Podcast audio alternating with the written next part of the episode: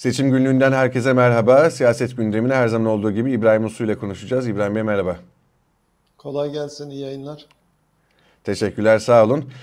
Gündem malum yoğun, çok kritik bir gün. Altılı Masa'nın en kritik toplantısı. Şu saatlerde başlıyor, başlama saati saat 14'tü. Ee, ne çıkacak masadan? Hemen konuya gireyim. Ne bekliyoruz bugün? Bugün e, masada tek bir isim var e, bilebildiğimiz kadarıyla. Dolayısıyla ya Sayın Kılıçdaroğlu'nun ismi üzerinde uzlaşacaklar ve akşam e, denecek ki adayımızı belirledik ve işte şey orada da bir iki senaryo var duyduğumuz. Bugün açıklamayı düşünmüyorlar. Birkaç gün sonra yapılacak büyük bir etkinlikle, büyük bir toplantıyla, lansmanla kamuoyuna duyurmayı duyurulması yönünde görüşler daha baskın. Dolayısıyla ideal senaryo bugün altı liderin kameraların karşısına geçip ortak adayımızı belirledik. Hayırlı uğurlu olsun. İşte 3 gün sonra 4 gün sonra duyuracağız deyip e, kendi seçmenlerine müjdeli bir haber vermeleri ve e, şeyin seçim startının böylece e, artık son şeyinde hamlende yapılarak başlatılması. Bugün e, gelip şey ideal şey durum bu. E, ya da ikincisi müzakerelere başladık. İsimler üzerinde müzakere ediyoruz. O yüzden 3 gün sonra, 4 gün sonra bu müzakerelerin ikinci, ikinci roundunu yapmak üzere falanca parti genel merkezinde toplanacağız diye ikinci bir duyuru gelebilir. E, bu da yine olasılıklar arasında. Üçüncüsü e, masa açısından felaket senaryosu. Uzlaşamadık. O yüzden işte şu parti e, kendi yoluna gidecek de biz geri kalan şu kadar parti e, kendi aramızda bir ortak aday belirleyeceğiz falan şeklinde e, bugün e, hani orta siyaset e, arenasını e, böyle hani deprem etkisi yaratacak bir karar çıkması. Fakat buna kimse çok fazla ihtimal vermiyor. En son e, Sayın Şunu doğru mu anlıyorum İbrahim Bey? Ee, eğer akşam biz uzlaştık derlerse bu ancak ve ancak Kemal Kılıçdaroğlu'nun adaylığı üzerinde uzlaştıkları manasına geliyor. Yani uzlaştık tabii, tabii. ve aday Mansur Yavaş örneğin gibi bir sonuç çıkmasını beklemiyoruz. Masada, hayır masada tek isim var. Çünkü CHP'nin adayı belli ve oy birliğiyle hem parti grubu hem parti meclisi Sayın Kılıçdaroğlu CHP'nin adayıdır dedi. E, bunu resmen kamuoyuna ilan etmediler ama Özgür Özel'in açıklamalarından biliyoruz. Şimdi dolayısıyla e, bugün oradan başka bir isim çıkmaz. Geri dönüp tekrar parti meclisinden, parti grubundan onay alınması gerekiyor. Çünkü e, Cumhurbaşkanı adayını e, belirleme ve bunu e, Yüksek Seçim Kurulu'na verme etkisi parti grubunda. E, 100 milletvekiliniz varsa ancak Cumhurbaşkanını belirleyebiliyorsunuz. Yoksa biliyorsunuz daha az milletvekiliniz varsa seçmene gidiyorsunuz ve 100 bin imza toplamanız gerekiyor. Dolayısıyla bugün e, CHP'nin adayı belli. Demokrat Parti'nin adayı yine Sayın Kılıçdaroğlu. E, öyle olunca Temel Karamollaoğlu büyük güçlü bir destek verdi. Yani esas şeye Cumhurbaşkanlığına aday olmayan ana muhalefet partisinin durumu tartışmalı. O, o şaşırtıcı olur yoksa bunda şaşıracak ne var falan diyerek zımnen bir destek vermişti. Dolayısıyla da oy birliğiyle kararlar alınacaksa oradan başka bir isim çıkma olasılığı şimdilik pek mümkün görünmüyor. Dolayısıyla ya Sayın Kılıçdaroğlu'nun üzerinde uzlaşılacak ya da bugün uzlaşılamayıp işte 3 gün sonra 5 gün sonra için ikinci round toplantılar yapılacak. Ee, belki o zaman alternatif isimler falan gündeme gelebilir. Ya da bugün uzlaşamıyoruz diye o kötü haber duyulacak. Ee, o zaman da zaten başka bir durum ortaya çıkacak. Son bir yıldır konuştuğumuz bütün şeyleri, senaryoları yeniden gözden geçirmemiz gerekecek. Ama bu beklenmiyor. Bu beklenen bugün e, ilk senaryonun yani altı liderin kamera karşısına geçip çünkü e, salı günü e, Genel İdare Kurulu toplantısından sonra İyi Parti'nin yapılan bir açıklama var parti sözcüsü tarafından. Şey ayın ikisinde adayın ismi belirlenecek şeklinde aslında bir müjde verdi yani o günden. Bunun anlamı İyi Parti ile masanın geri kalanlar arasında bir e, fikir birliğine yaklaşılmış oldu. Herkes öyle yorumladı. O yüzden bugün büyük bir sürpriz olması, tek büyük sürpriz uzlaşamadık denmesi. Onun dışında başka bir sürpriz olmaz yani. Başka bir isim bir bugün sürpriz olacak. Evet. Peki e, şimdi aday tabii en önemli mesele e, adayın konuşulması ve ona üzerinde uzlaşılıp uzlaşılmaması e, toplantının süresini belirleyecektir ama eğer e, Cumhurbaşkanı yardımcılığı meseleleri veya bakanlar meseleleri de konuşulursa çok daha uzun bir toplantı olması bekleniyor öyle değil mi? Tabii ben kısa bir toplantı olmasını beklemiyorum. Cumhurbaşkanlığı konusunda uzun bir tartışma olmasını da beklemiyorum. Yani İyi Parti'nin açıklaması olmasaydı böyle bir beklentimiz olabilirdi. Ama İyi Parti'nin açıklamasından sonra bu aşama geçilmiş oldu sanki. Ee, o hızlı geçilir. Ama arkasından Cumhurbaşkanı yardımcıları, belki kabinenin bazı üyeleri, belki bazı önemli devlet kurumlarının yöneticileri, Merkez Bankası, AFAD falan filan gibi bazı kurumların yöneticileri, onlar üzerinde görüşmeler, müzakereler belki bir süre daha devam eder aslında ideal senaryo işte bugün aday üzerinde uzlaştık demeleri diyelim ki ayın 8'inde e, Ankara Arena'da e, adayımızı ve işte takımımızı açıklayacağız diye bir duyuru yapılması o günde Cumhurbaşkanı, Cumhurbaşkanı yardımcıları, bazı kurum yöneticileri, bazı bakanların e, kürsüde birlikte poz vermeleri. Eğer öyle bir yola gidecek olurlarsa önümüzdeki günlerde partiler arasında bu toplantıların e, şey e, devam edeceğini görürüz. Niye o isimler belirlenir falan ve e, işte ayın diyelim ki 8'inde 8 hani bir tarih olarak almayın öylesine söylüyorum. 6 da olur, 9 da olur yani başka bir tarih de olabilir. Bir güçlü bir kadro fotoğrafı verilmesi hedeflenebilir. Şu an şey ideal senaryo bu. Yani adayı belirlemek, Cumhurbaşkanı adaylığı konusunda netlik kazanmak, bazı onun dışında A takımda yer alacak isimleri belirlemek ve bunların tamamını o lansmanda seçmene, topluma sunmak. Dolayısıyla bir tarafta bir tek adam var, bir tarafta da bir güçlü kadro kadro hareketi ve takım var. Dolayısıyla da hani ya bir tek adam oy verin ya da buradaki kadroya, takıma oy verin. Tek adama karşı ikinci bir tek adam çıkarmayacağız sözünü zaten defalarca e, parti genel başkanları e, tekrarladılar bugüne kadar. Oradan dolayı yani böyle hani kulis bilgisi olarak söylemiyorum bunu. E, zaten bir tek adama karşı ikinci bir tek adam şey yok, stratejisi yok. Tek adama karşı bir kadro, bir şey yeni bir siyaset anlayışı, yeni bir siyasal sistem, yeni bir anayasa falan. Dolayısıyla tek adama karşılık buranın paketinde, paketin içeriğinde farklı unsurlar olacak. Hem bir aday olacak, hem e, takım olacak, hem e, bir yeni sistem önerisi olacak, hem yeni bir anayasa önerisi olacak. Bunların tamamını seçmene sunacaklar e, dolayısıyla Millet İttifakı. Peki şunu sormak istiyorum. Şimdi en olası isim Kemal Kılıçdaroğlu. Ama tabii ki geniş muhalefet e, kesimleri içerisinde Kemal Kılıçdaroğlu'nun aday olmasını istemeyen epey bir insan var. Ya da diğer e, Mansur Yavaş ya da Ekrem İmamoğlu'nun da olmasını istemeyen birçok insan var.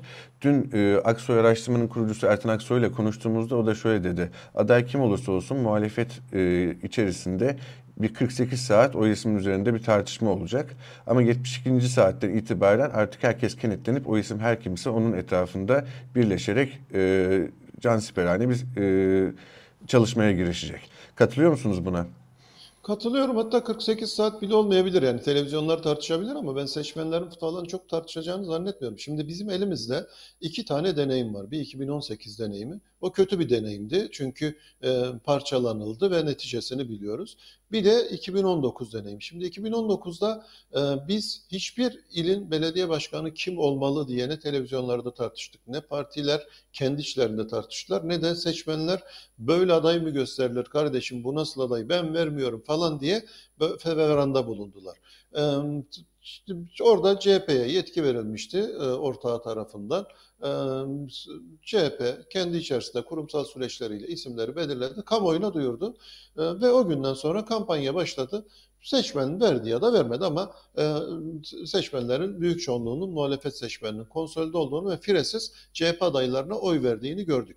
Fireler nerede oldu? İyi Parti ile HDP arasında yaşanan tartışmalar nedeniyle İyi Partili adayların olduğu illerde oldu ama e, onun dışındaki yani CHP adaylarının olduğu illerde seçmenin bir tartışma yaşamadığını, bir kapris yapmadığını e, gidip şeyle büyük bir disiplinle sandıkta muhalefetin ortak adayına oy verdiğini gördük. Dolayısıyla seçmen tarafından baktığınızda seçmen aslında böyle çok şey değil. Seçmen kimin gelmemesini istediğini biliyor ya da kimin görevden uzaklı şey e, ayrılması gerektiğini biliyor. Ona göre de e, arkasında güçlü bir siyasal siyasal destek olan adaya gidip oy verdi ve profile çok bakmadı. Ben uzun zamandır bunu anlatmaya çalışıyorum. Şimdi muhalefet seçmeninin kendi profil özellikleri aynı. Yani CHP'liler Adana'da da, Hatay'da da, Mersin'de de, İzmir'de de benzer özelliklere sahip.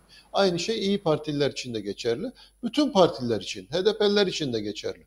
Fakat bu şey seçmenin profili değişmediği halde, sabit olduğu halde Hatay'da bir ülkücüye, Adana'da sosyalist soldan gelen bir adaya, e, Antalya'da merkez sağdan gelen bir adaya, İzmir'de CHP kurumsalından gelen, e, o CHP kurumsal kültüründen gelen bir adaya, e, İstanbul'da şey daha liberal tutumları olan başka bir CHP'li adaya falan oy verebildi. Yani aynı e, seçmen kitlesi çok farklı profildeki adaylara oy verdi. Demek Bakmıyor ki seçmen burada. Adayın, evet adayın profiliyle çok fazla ilgilenmemiş. Burada da aynısı olur. Biz çok tartıştığımız için bu konuda bir şey duyarlılık varmış gibi görünüyor. E, ben o yüzden e, değerli meslektaşıma katılıyorum. Seçmen bir süre sonra kim gelmeli, kim gitmeli, kim gelmemeli bu işte analizini yapar ona göre de pozisyon alır. Peki son olarak çok kısa şunu da sormak istiyorum. Dün Cumhurbaşkanı Erdoğan grup toplantısında konuştu. Seçim tarihini de söyledi. 14 Mayıs'ı işaret etti. E, deprem tabii ki merkezindeydi konuşmasının. E, çeşitli videolar gösterdi. Burada e, kurguladığı söylem daha çok e, sanırım seçim kampanyasında da bunu sıklıkla dile getirecek. E, kentsel dönüşüme muhalefet izin vermedi, engel oldu. E, halbuki biz kentsel dönüşümle işte bu binaları kurtarabilirdik. Şimdi siz bana izin verin bir sene içerisinde yeniden e, işte e, ayağa kaldıracağım bu şehirleri, binaları yapacağım vesaire. Ve yine yani ben hallederim, yaparım, ben e, icra ederim, icraatta iyiyimdir e, söylemini merkezine alan bir kampanya başlattı diyelim. Buna mukabil olarak muhalefetin daha çok mevcut rejimi, mevcut sistemi, iktidarın yaptıklarını, kötülüklerini ön plana çıkaran negatif e, bir kampanya yürütmesi e, bir dezavantaj olacak mıdır? Şimdi, muhalefetin de elinde güçlü argümanları var. Bir, bir kere yeni bir sistem özlemi, seçmenin büyük çoğunluğunda bir değişim arzusu var. Bu değişim arzusunu dillendirmesi gerekiyor. Birincisi bu. İkincisi iktidarın argümanlarını çürütmesi gerekiyor. İktidar ölümlerin sorumlusu olarak muhalefeti gösteriyor. Ama e, orada yani hastaneleri de mi e, muhalefet engelledi? Okulları da mı muhalefet engelledi? Ya da İstanbul'da boşaltılan e, yüzün üzerindeki okul muhalefetin yüzünden mi bugüne kadar e, yıkılıp yeniden yapılmadı? Hatay'da yıkılan bütün hastanelerin sebebi muhalefetin direnci miydi? E, gibi soruları sorduğunuzda ya da yıkılan otellerin bilmem neler kentsel dönüşüm yapılamadığı için mi e, öyle yapılmıştı? Ya da yapılan yeni binalar, yani çok sayıda yeni bina yıkıldı biliyorsunuz. Bu e, iktidar o, o istatistikleri mesela paylaşmıyor. Kaç tane yıkılan binaların kaç ne kadar ya da ağır hasar gören binaların e, 99 e, sonrası kaçı 99 öncesi bunları bilmiyoruz. Ama bunu en azından Hatay'da şurada burada bazı yerlerde Adana'da falan bu, bu tür bilgilere ulaşılabilir. E, ya da mühendisler odaları falan bunları kendileri gidip tespit edebilir ya da belediye meclisindeki muhalif e, şeyler, e, belediye meclis üyeleri bunları tespit eder. Bir süre sonra çıkar. Şimdi dedim ya otellerin yıkılmasının sebebi muhalefetin kentsel dönüşme direnmiş olması olamaz. E, bu kamu binalarının yıkılmasının nedeni ya da İstanbul'da bir sürü sorunlu kamu binasının bulunmasının nedeni muhalefetin tavrı değil. Yıkılan yeni binaların sebebi yani yeni bina yapılıyor, denetlememişsiniz ve onlar yıkılmış ya da yanlış yere ruhsat vermişsiniz, yıkılmış. Bunların neden de muhalefet değil? Şimdi siz bunların hepsinin yanıtını verdiniz de sadece muhalefetin bazı yerlerdeki kentsel dönüşüm projelerine itirazının mı şey burada gerekçe gösteriyorsunuz. Artı bu yıkımın olduğu illerde, büyük can kayıplarının yaşandığı illerde muhalefet kaç kentsel dönüşüm projesine engel olmuş mesela? Bununla ilgili ne istatistik verebilir? Yani çok muhtemelen e, bu 40 e, binden fazla ölümü aklı çıkaracak bir muhalefet direncinden bahsedemeyiz. O yüzden bunların da tartışılması gerekiyor. E, ama e, iktidar yani bütün sorumluluğu muhalefete yıkıp ben masumum ve bu işi ben çözerim diyecek. Ee, tabii toplumun kaçta kaçını ikna edecek? Özellikle muhalefet seçmenini buna ikna edebilecek mi? Çok zor. Çünkü yüzde kırklarda ve 50'ye çıkması gerekiyor. Ee, 10 puan e, şey muhalefet havuzundan e, oy alması gerekiyor ve bu argümanlarla e, seçmen havuzunda yer alan, hükümeti eleştiren e, seçmenleri ikna etmesi bana çok mümkün gelmiyor. konsolide edebilir. E, kendi seçmenini konsolide ediyor. Oradan oy kayıplarını engelliyor ama sorun o değil. Yani benim gördüğüm miktar uzun zamandır Artması yanlış lazım. stratejilerle gidiyor. E, yani kendi oyunu arttıramayınca muhalefeti dağıtayım dedi. Dağıtamadı. Yani iki yıldır buna uğraşıyor. Muhalefet dağılmadı. Ne olacak? İki yıllık emek boşa gitti. Oyları da yerinde duruyor. İki yıl önce nerede idiyse orada hatta da onun altında ekonomik kriz nedeniyle bir de oy kayıpları yaşadı. Yani miktarın yaptığı her şey şey e, büyük bir şeyle, cazibeyle sununca çok etkili olacakmış gibi geliyor. Ama sonra dönüp bakıyorsunuz öyle değil yani iki yıldır hatta iki yıldan daha uzun süredir 2019'dan bu tarafa muhalefet blokunu dağıtmaya çalışıyor. Kaç yıl geçmiş? Dört yıl. Dördüncü yılın sonunda biz bugün ortak aday açıklanmasını bekliyoruz. Demek ki dört yıllık yatırım boşa gitmiş. Yani e, HDP ile e, şey arasında Millet İttifakı arasında handikap yaratmaya çalışıyordu ama onu da başaramadı. E, şimdi hani dönüp oraya baktığınızda iktidar blokunun şeylerine, başarısızlıklarına büyük bir şey var yani o liste çok kalabalık. Yani 4 yıllık bütün çaba karşılığı sıfır yani. Yani muhalefet bunu böyle bir şey yapsaydı hani e, şey muhalefet e, kanaat önderleri, entelektüelleri kılıçtan geçirirdi. Ama görüyorsunuz e, biz hala iktidarın başarılı olacağını düşünüyoruz. Ana stratejisi çöktü. Hiçbir sonuç alamadılar yani. Bu, bu da işe yaramaz o anlamda söylüyorum. Kendi seçmenini konsolide ediyor. Ama Yankos evet. odasındaki seçmenleri coşturduğunuzda, onların vicdanına soğuk sular serptiğinizde sorununuzu çözemiyorsunuz. Çünkü artık yüzde elli artı biriniz yok. Ee, Yankı odasındaki seçmenler siz Cumhurbaşkanlığı yapmaya yetmiyor. Evet, evet. Çok teşekkürler İbrahim Bey değerlendirmeleriniz için. Önemli bir gün evet, gerçekten gelişmeleri de takip edeceğiz. Toplantının sonucunu ve sonrasındaki tartışmaları önümüzdeki günlerde sizinle konuşuruz. Çok sağ olun. Seve seve, seve seve. Hoşçakalın. Ee, İbrahim Uslu ile her zaman olduğu gibi siyaset gündemini konuştuk. Bizi izlediğiniz için teşekkür ederiz.